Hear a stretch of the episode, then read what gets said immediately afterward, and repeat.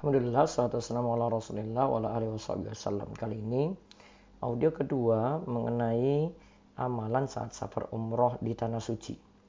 Jagalah sholat pada awal waktu. Jagalah sholat pada awal waktu. Ini amalan kedua, ini penting juga untuk dijaga. Hadisnya sebagaimana berikut ini.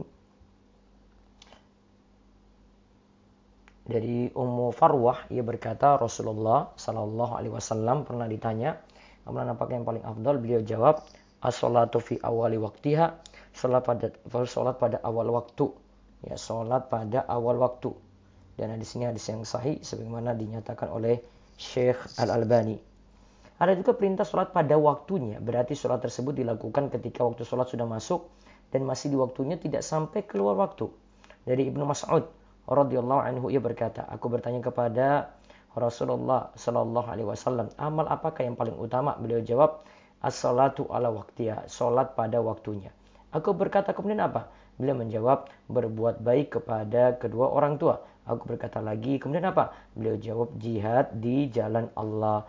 Hadis ini mutafakun alaih, diriwayatkan oleh Imam Bukhari dan Muslim. Itulah yang dimaksud dengan ayat hafidhu ala salawati was salatil wusta wa qumu lillahi qanitin. Peliharalah semua salatmu dan peliharalah salat wusta yaitu salat asar. Berdirilah untuk Allah dalam salatmu dengan khusyuk. Nah, surat Al-Baqarah ayat 238 ini memerintahkan untuk melaksanakan salat pada waktunya masing-masing.